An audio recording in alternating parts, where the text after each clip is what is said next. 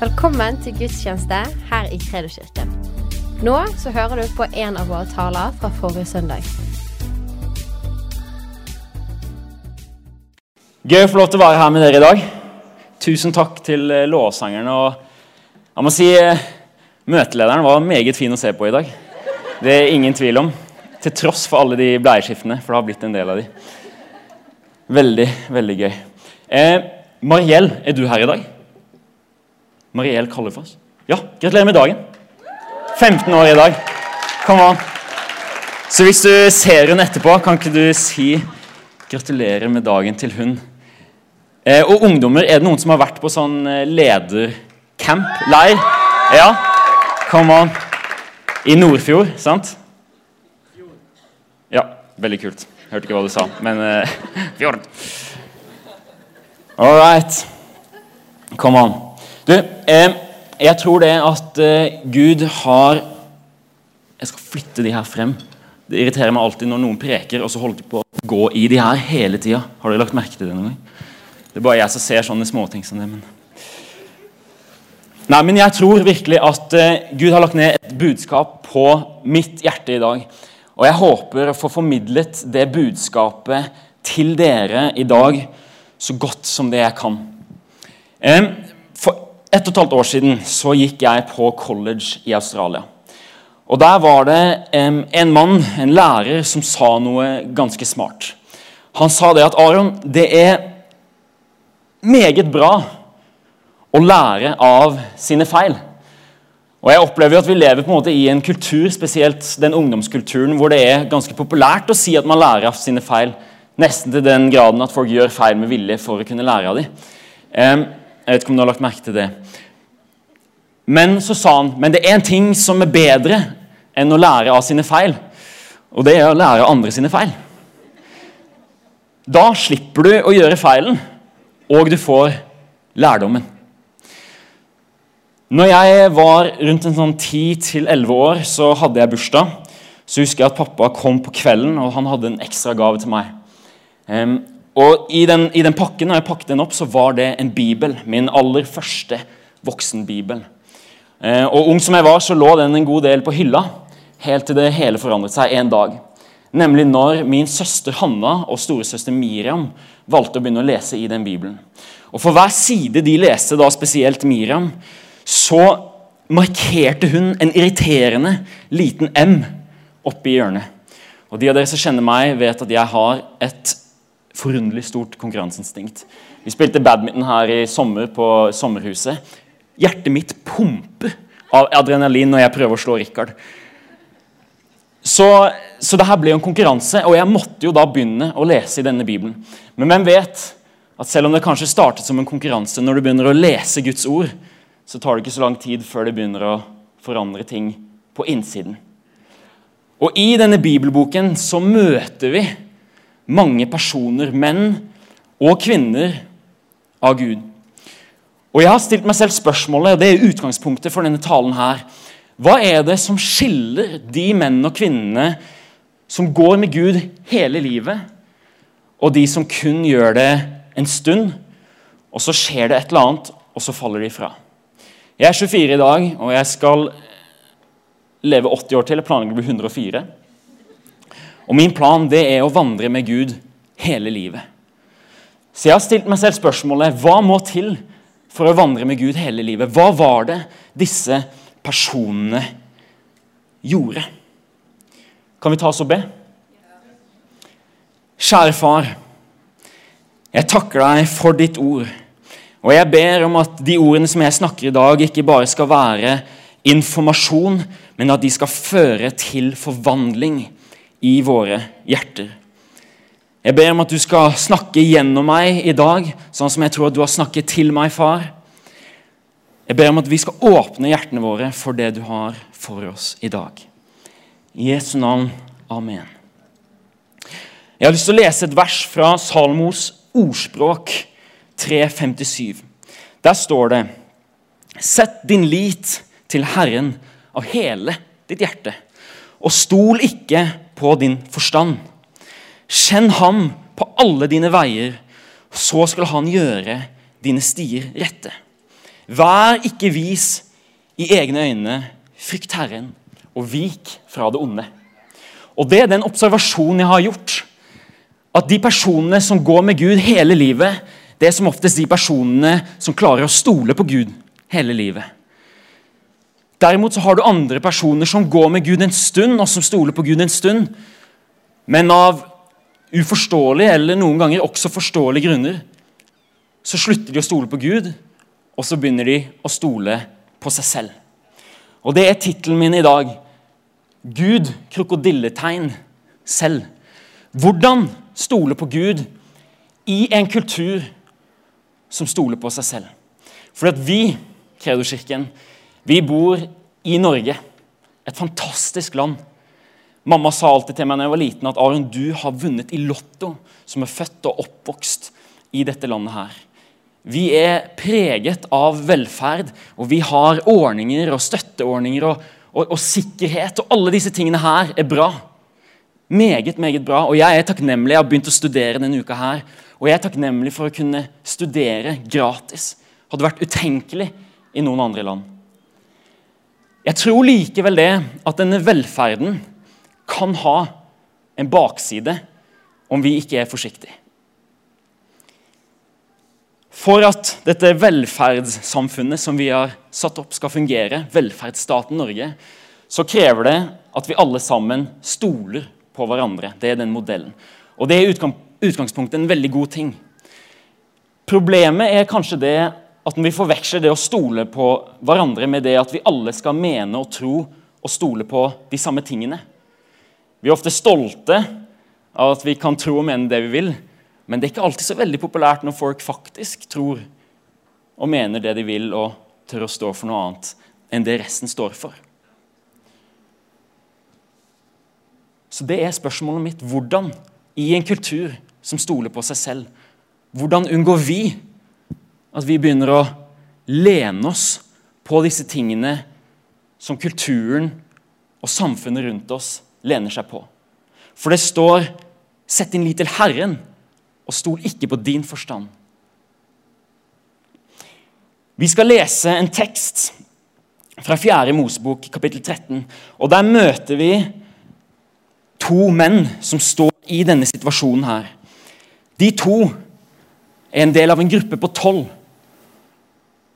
Og de ti klarer ikke å stole på Gud, mens de to må velge å stole på Gud når de rundt dem ikke gjør det.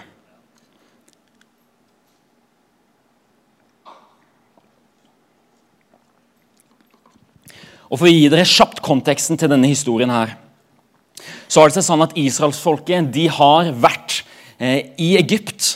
De har vært slaver i Egypt i 400 år. Deretter så har Gud utfridd sitt folk, og de har vandret fra dette havet gjennom ørkenen. Nå befinner de seg på utsiden av dette landet som Gud har lovet å gi dem. Deretter så velger de tolv menn fra de tolv stammene som skal representere de, de forskjellige stammene. Og de sier 'gå ut' og speid på dette landet her. Så skal vi lese. Så sier Moses, se om jorden er fruktbar eller mager, og om det er skoger der eller ikke. Vær sterke og ta med dere noe av frukten i landet. På den tiden var det høsttid for de første druene.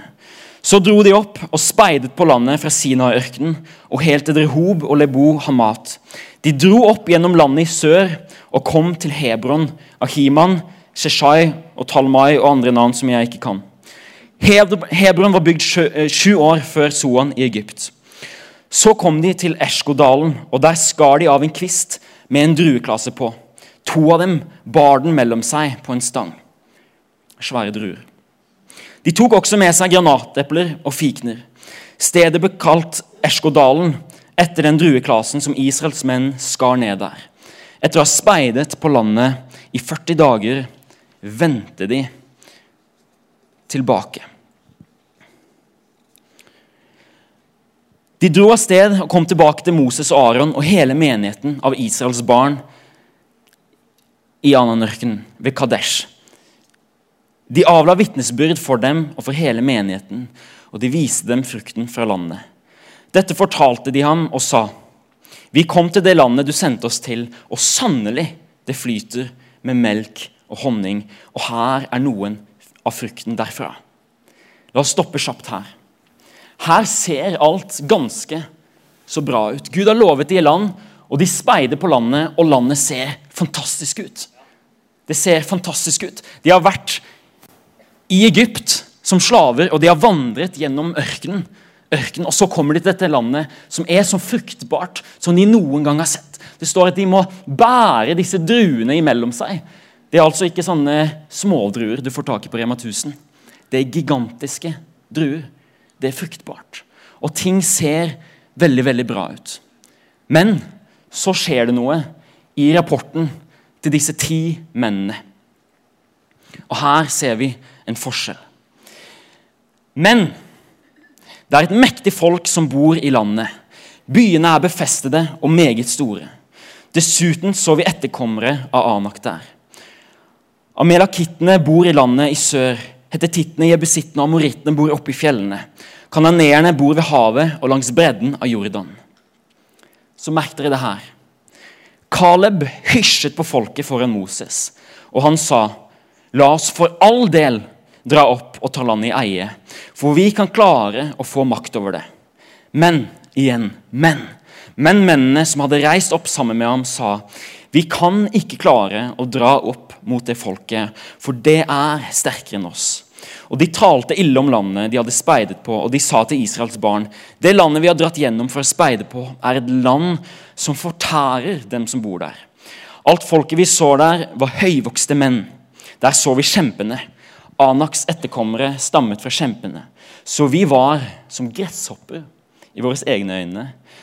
Og det var vi også i deres øyne. De tolv speiderne de har altså vært på akkurat den samme reisen. De har sett akkurat de samme tingene. De har sett landet som er fruktbart. De har kjent på jorden som er fruktbar. De har sett folkene, hvordan de har mat. De har sett alt dette fantastiske. Men de tolv har også sett utfordringene. De har også sett de befestede byene. De har sett disse kjempene. De har sett det at vi kan aldri klare å overvinne de folkene som bor i det landet her. Men likevel så gir de to helt forskjellige tilbakemeldinger til Moses og til folket. Vitnesbyrdet til de ti sa det at vi kan ikke klare å gå inn her. Vitnesbyrdet til de to, til Caleb og Josva, sa la oss for all del gå inn i landet. Så hva var forskjellen? Hva var forskjellen? Forskjellen var det her. De ti valgte å stole på det de så. De to, Josva og Caleb, valgte å stole på det Gud hadde sagt. Jeg sier det igjen. De ti valgte å stole på det de så med sine egne fysiske øyne. De to derimot så riktignok de samme tingene, men de valgte å stole på det Gud hadde sagt. Folkens, vi må stole på det Gud har sagt, og ikke nødvendigvis bare på det vi ser. 500-600 år før det her så hadde Gud kommet til Abraham. Han hadde sagt til Abraham, 'Jeg skal gjøre deg til et tallrikt folk.' 'Jeg skal velsigne deg, og dere skal få et land.' Deretter så bekreftet han dette løftet til Isak, Abrahams sønn. Jeg skal gjøre din slekt tallrik. Jeg skal velsigne dere med et land. Og så I det neste kapittelet, i første Mosebok 28, så sier han til Jakob Nok en gang bekrefter han. Jeg skal gi dere et land. Jeg har et løfte for dere. Jeg har noe for dere. Men så går det 400 år, og israelittene de er under egypterne. De er slaver i dette landet. Og Jeg vet ikke hva de tenkte på denne tiden, men det går i alle fall 400 år. Og så kommer Gud igjen på banen, og da møter han Moses. Og han sier det her til Moses.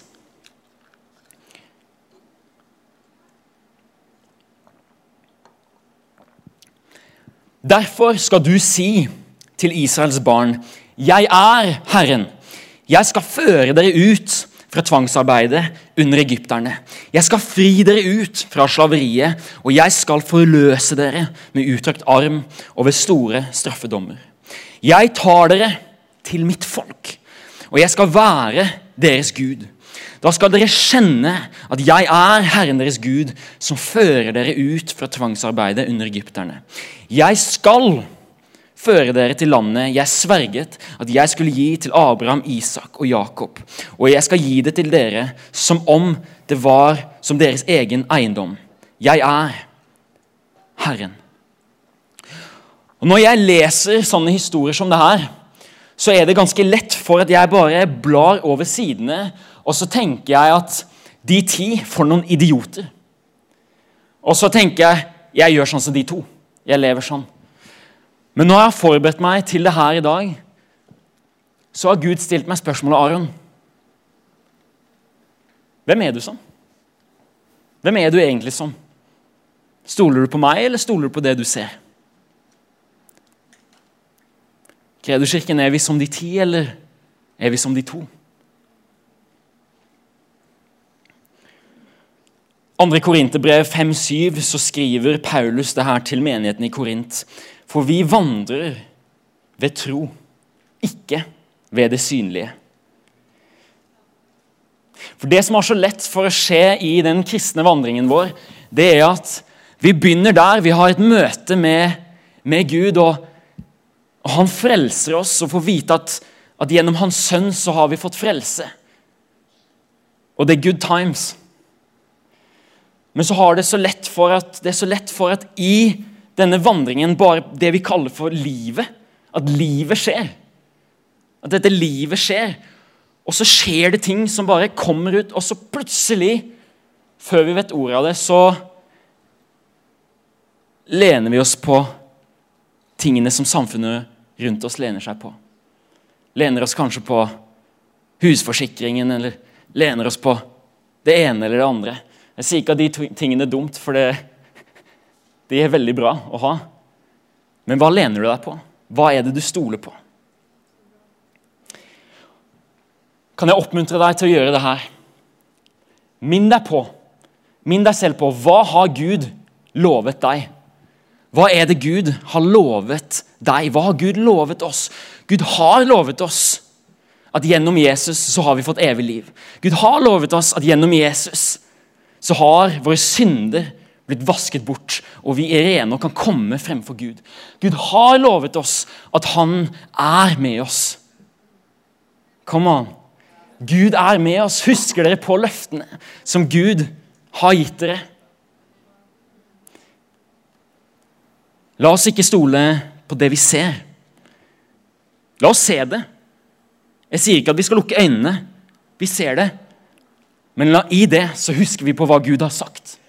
Hva har Gud sagt til deg? Poeng nummer to her. Jeg skal gi dere to poeng og ett løfte i dag. Det er det her.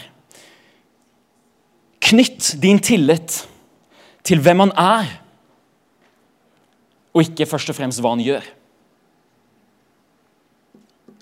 Tenk på det. Knytt din tillit, stol på Gud for den han er og ikke kun hva han gjør. Det jeg syns er egentlig både utfordrende og interessant med denne historien, her, det er at de tolv speiderne har gått igjennom akkurat den samme reisen helt fra Egypt til nå det potensielle lovede land. De har mest sannsynlig blitt født og oppvokst som slaver under Egypt. Og Så hører de om denne profeten Moses som kommer og sier at Gud skal utføre oss. Og så skjer alle disse tegnene og undrene. Gud utfører de. Han, han, deler et hav i to, og de går igjennom på tørr grunn. Deretter så lukker havet seg og sluker den egyptiske hæren. Deretter så går de igjennom ørkenen, og Gud går foran dem i en ildstøtte og bak dem i en skystøtte på dagen. Gud er til stede, og hver morgen når de trenger mat, så ligger det manna klar til dem. Det ligger brød som de kan ta på. De kan kjenne Guds mirakel. De kan se Guds mirakel. De har vært igjennom kamper som de ikke skulle ha vunnet i egen kraft. Og jeg syns alltid det har vært rart å tenke på det at gjennom min oppvekst så har jeg vært på mange leirer og mange forskjellige kristne stevner og sett forskjellige ting. Og, og Jeg har alltid vært der med kompiser, og jeg har sett disse kompisene få kraftfulle berøringer av Gud. Sett Gud komme med sin kraft, og de falle i bakken og, og ha disse opplevelsene, helbredelser osv. osv. Men likevel så er det ikke sånn at alle de vandrer med Gud i dag. Og Det syns jeg er vanskelig å forholde meg til. For hvordan kan du, når du har opplevd de tingene der, sett det, kjent på det? Hvordan kan du da, noen år senere, gå bort ifra det? Men jeg tror det handler om det her. Det er fullt mulig å se miraklene til Gud, være iblant Guds gjerninger, se disse tingene, men likevel ikke kjenne Gud. Det går an å se hans mirakel, men likevel ikke skjønne og se og kjenne Guds karakter. Guds karakter. Ikke lenge før, her, før, før denne hendelsen her skjer, i andre Mosebok, kapittel 6, så er det sånn at Gud for første gang viser Moses, og viser oss egentlig, hvem han er. Han viser hans karakter. Før det så har Gud kun kalt seg selv 'Jeg er den jeg er'. Jeg er den jeg er. Som er ganske kraftfullt, for han viste israelittene at han er ikke en gud, en sånn egyptisk gud som en gud av, av skyr eller gud av regn eller gud av det andre. Nei, han bare er den han er. Men det vi skal lese nå her, så er det at Moses går opp på Sinafjellet, og der for første gang så avslører Gud hvem han er, og hvem hans karakter er. Og Det verset her det er resitert i Bibelen i Det gamle testamentet 26 ganger. Så det er kanskje et av de viktigste versene vi kan hente ut fra Det gamle testamentet. Og Jeg skal lese det her på engelsk fordi at de norske ordene er vanskelig og litt utdatert. Og Her står det Then the Lord came down in the cloud and stood there with him and proclaimed his name, the Lord, på hebraisk Yahweh. And he passed in front of Moses, proclaiming, The Lord, the Lord, the compassionate and gracious God. He is slow to anger, abounding in love and faithfulness. And faithfulness. Faithfulness, altså trofasthet. Gud sier altså at i mitt i min karakter, i, min, i mitt DNA og Jeg vet ikke om Gud har DNA, jeg tror ikke det, men, men i, hans, i selve hans being så er han trofast. Hans trofasthet det er ikke bare noe han gjør. Nei, det springer ut ifra den han er. Og det her har faktisk vært en åpenbaring for meg de siste månedene. Det høres veldig enkelt ut. Men av en eller annen grunn så har jeg nesten litt sett for meg før at det å stole på Gud det er liksom som å bare lukke øynene og bare jeg stoler på deg, jeg stoler på deg, jeg stoler på deg. jeg stoler på deg. Skjønner du hva jeg mener? Vi bare glemmer alt rundt oss. bare, jeg stoler på deg, jeg stoler på deg, jeg stoler på deg, bare.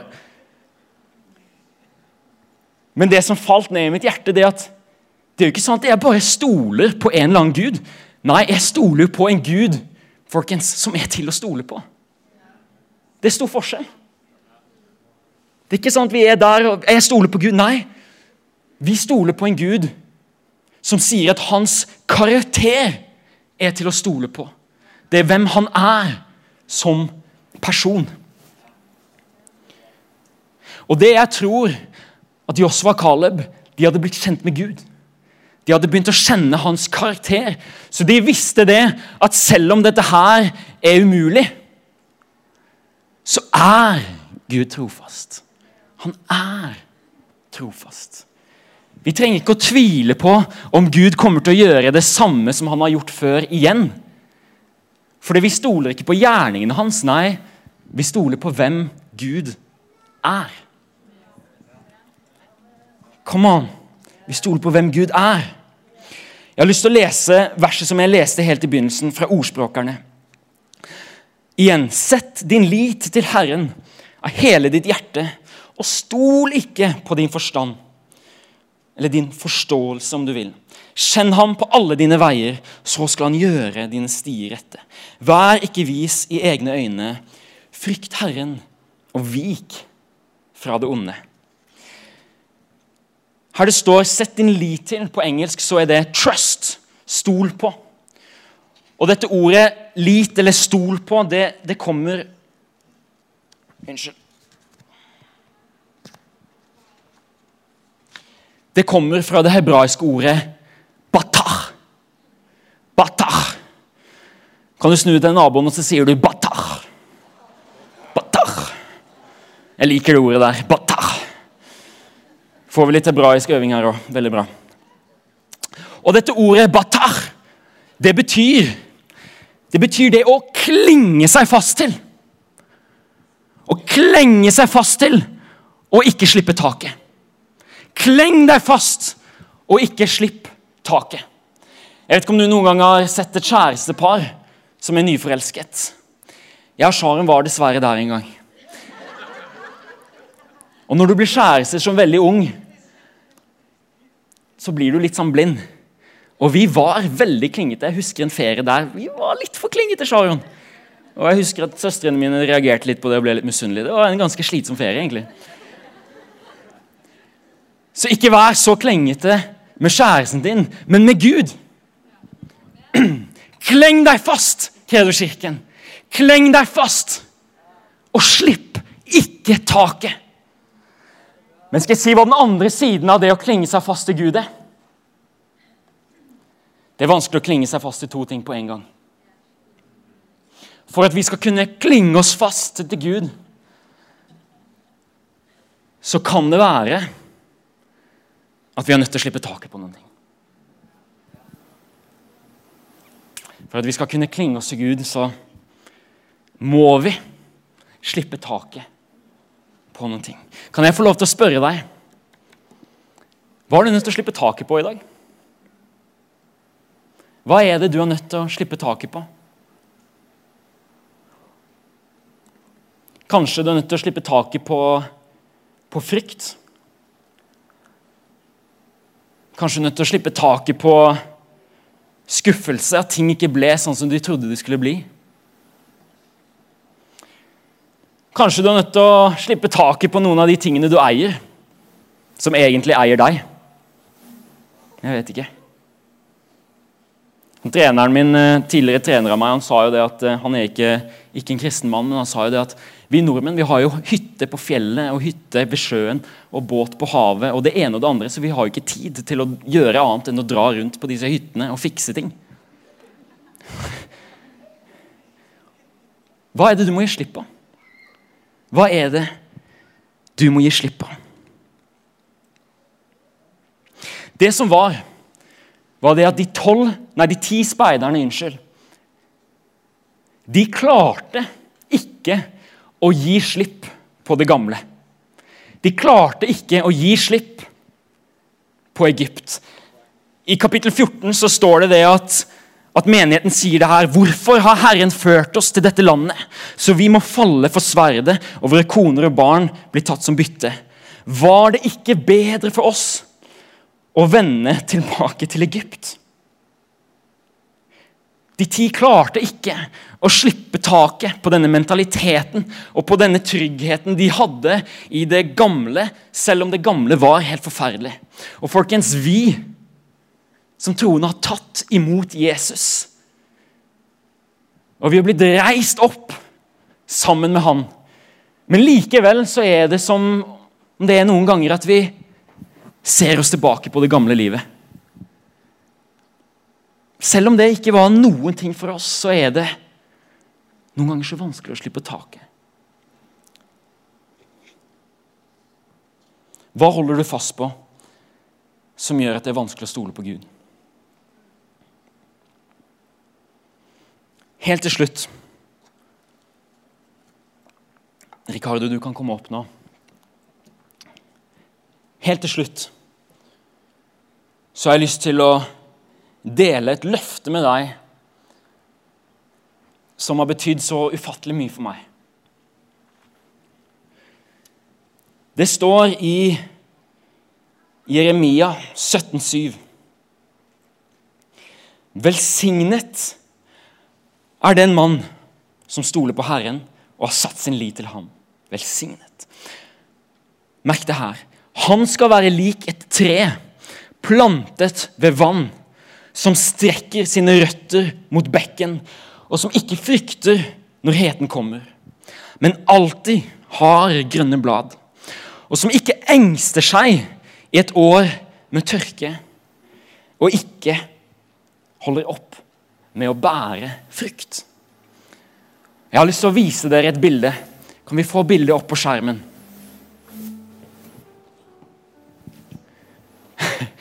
Jeg har bestemt meg for i vårt liv Det er jo lett å ta bilde av alle de gode, de gode, tidene.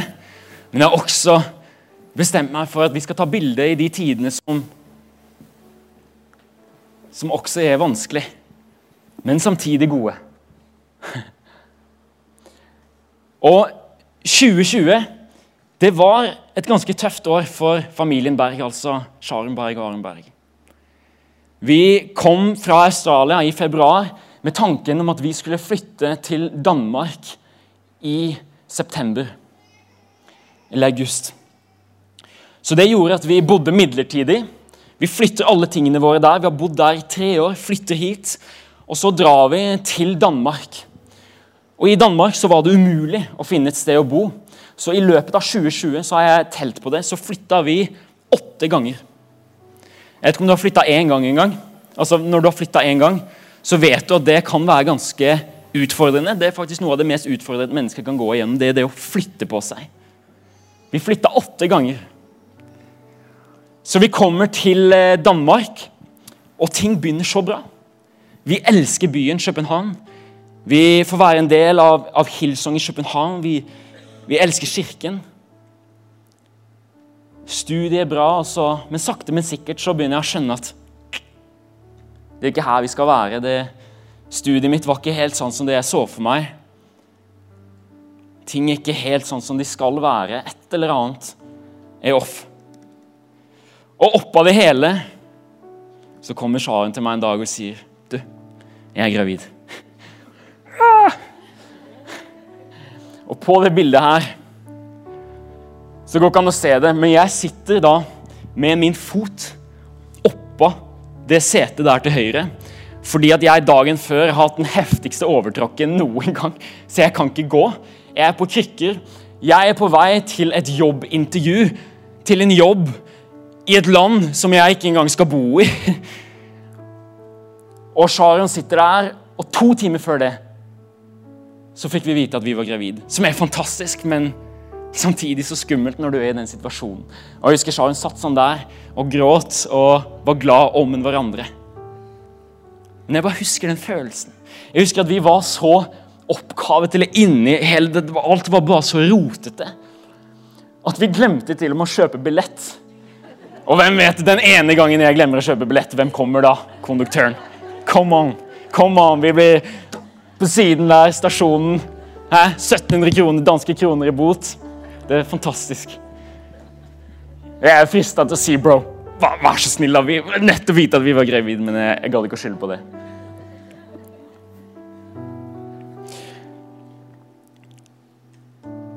Og i ettertid så har jeg spurt meg selv Hvorfor? Gud, hvorfor tok vi den detouren rundt Danmark og så tilbake her? Hvorfor skapte vi alle disse problemene for oss selv? Hvorfor gjorde vi det så vanskelig? Hvorfor skapte vi en såpass utfordrende tid for oss selv? Kanskje var det at jeg ikke hørte på Gud. Jeg vet ikke. Men så har Gud minnet meg på På smykket mitt her så står det verset. Jeremia 17,7. Når du stoler på Gud, så kan du gå igjennom tørketid. Du kan gå i ørkenen, ting kan se mørkt ut. Men om du stoler på Gud, så skal ditt liv fortsatt bære frukt. Og kom an! De to månedene i Danmark de kostet oss mange penger, men fy søren meg, vi så mye frukt. Han vi bodde med en måned, han ble frelst. Jeg hadde flere samtaler om Jesus på de to månedene enn jeg hadde hatt hele året før. Folk var så åpne i Danmark for å høre om det her. Og kanskje mest av alt for oss personlig så er det sånn at når man har litt ekstra tid og man flytter, og sånn, så har man litt ekstra tid til å gjøre andre ting òg. Så da kom det en liten jente som heter Eden. Fantastisk frukt. Kan jeg få lov til å oppmuntre deg her i dag? Jeg tror noen ganger det at vi har et bilde av at ja, vi vet at Gud er med oss, og at han skal føre oss gjennom ting.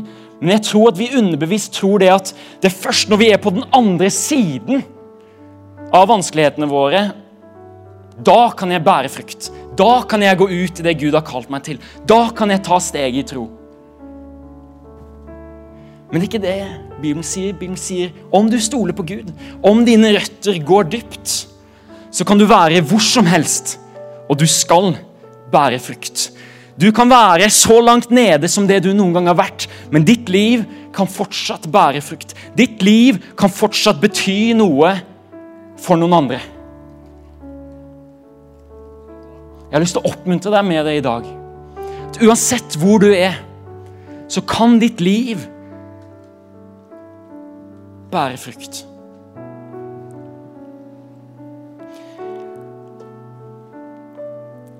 Så var det denne historien, denne beretningen om disse speiderne. Om Caleb og Josva. Resten av låtsangerne kan komme opp, og så tar vi en sang etterpå. Så var det denne beretningen. De ti ødela for de to, for å si det sånn. De to de valgte å stole på Gud, men til tross for det så fikk de ikke gå inn i det lovede landet ennå. Gud, han en, Sånn som det er litt i Gamle testamentet, han tok de ti og tok de bort. Men de to sparte Gud, og de to vandret med israelsfolket i ørkenen i nye 40 år. Kan du tenke deg? Du har vært slave i Egypt. Gud har gjort disse tingene. Du er klar for å bare innta landet. Men så skjer det noe i omstendighetene, og så Og så må du ut på en ny vandring. Og du må vandre med disse folka som, som på mange måter har sviktet. Men igjen, den som stoler på Gud, han skal bære frukt uansett hvor han er. Og jeg syns det er så inspirerende og så kult å se Caleb.